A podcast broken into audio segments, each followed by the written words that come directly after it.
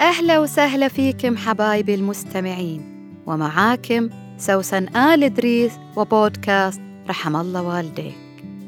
برنامج خفيف أحكي لكم فيه حكاياتي وانطباعاتي في الحياة. اللي أرجو إنها تعزف على وتر في وجدانك من زمان ما سمعته أو كنت غافل عنه عشان بعد ما تسمعني تدعي لي وتقول رحم الله والديك.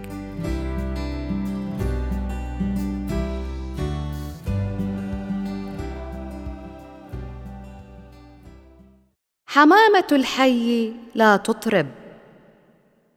المثل ده ينقال على أي شي تعودنا على وجوده معانا.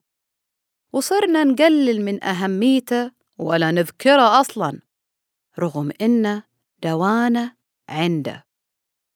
ولو قدرناه كويس كان عطيناه أكبر جائزة. لكن تظل حمامة الحي لا تطرب.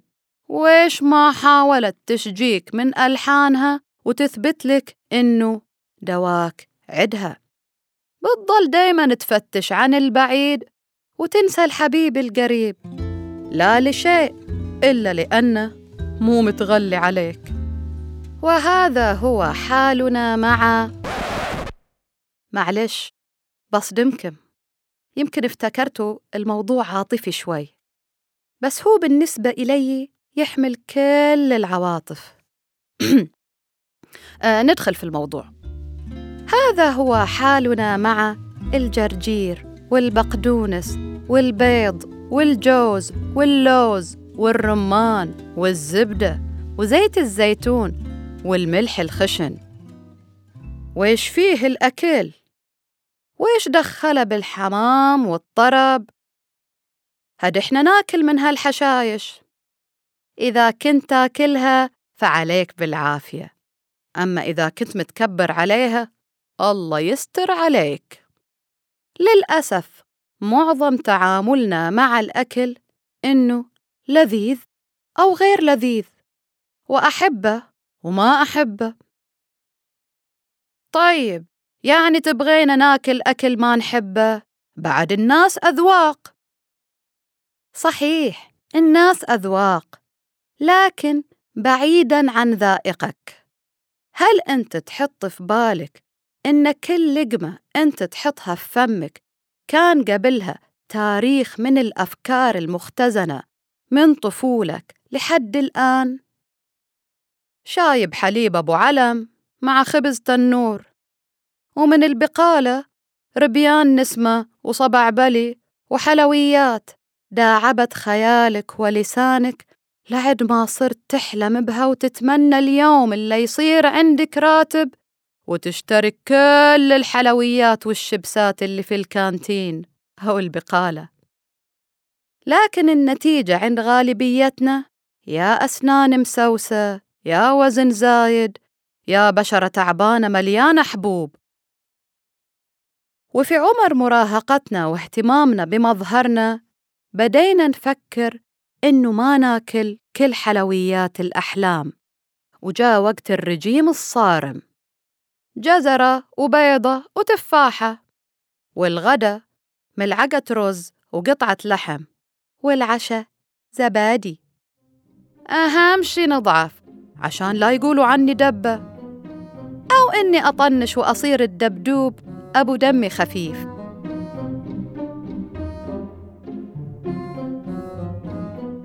علاقتنا بالأكل للأسف ما فيها صداقة. يا العشق الممنوع يا العدو الخاين.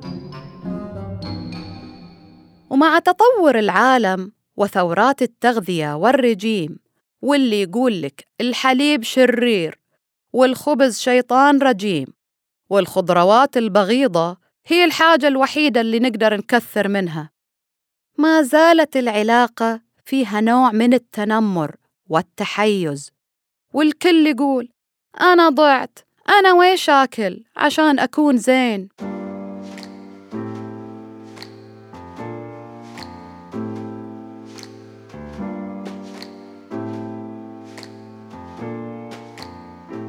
شعاري دايما في كل أمر استفتي عقلك وقلبك واعقلها وتوكل. تحتاج تسمع الخبراء. لكنهم كثروا وصاروا ضد بعض.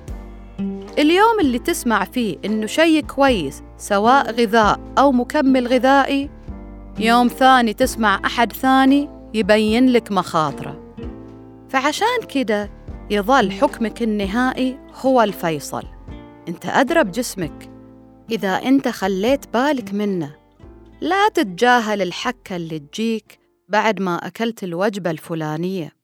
ولا النفخة اللي جت لك بعد الصنف الفلاني. ودايما خليك مع الطبيعة والشيء الأقرب لك هو الأنسب لك. لا تدور على وصفات سحرية وحبوب ومكملات وإنت ما عطيت نفسك فرصة مع النعايم اللي خلقها إلك رب العالمين. خدعونا وقالوا super food شيا وكينوا وتوتيات غالية و protein bars بينما الجرجير والبقدونس والطماطم واللحوم المحلية فيهم معاجز ما نحصيها. إحنا محتاجين إلى أكل يحيينا ويغذينا مو بس يرضي حليمات التذوق. غذاؤك دواؤك. تقبل تاخذ الدواء المر الكيماوي. بينما الحفاظ على صحك كان يستلزم منك إنك تخلي صرة البقدونس والكزبرة والبربير من عاداتك اليومية. تفننا في اللغاويص والدونات والفطاير وتركنا الأكل اللي يحيينا ويحلينا. الغريبة إنه إحنا ماخدين موقف من الأكل العادي الطبيعي وسميناه أكل صحي. وصار كأنه مخصص للي يبغى يخفف وزنه أو عنده مرض يمنعه من الاستمتاع باللغاويص أنا ما يقهرني أحد قد اللي يفتح الساندويتش ويقعد يشيل منها الخضار اللي فيها ليش هالعدوانية مع الخضار؟ لأنها مو لذيذة؟ بلا لذيذة بس إحنا ما نعطي فرصة لجسمنا إنه يستفيد أي شيء إذا أنت نويت تخليه شهي بيكون شهي بس المهم طريقة تفكيرك دايما قبل ما تاكل أي شيء اسأل جسمك هل يبغاه؟ هل بيسبب لك سعادة وحيوية؟ ولا مجرد متعة مؤقتة وبعدين ضرر وأمراض؟ ونقول لكل من راح للخضار والسماك واللحام؟ وسوى لي أكل يغذيه ويشبع حواسه الخمس ولا يضره بالهنا والشفا. ورحم الله والديك.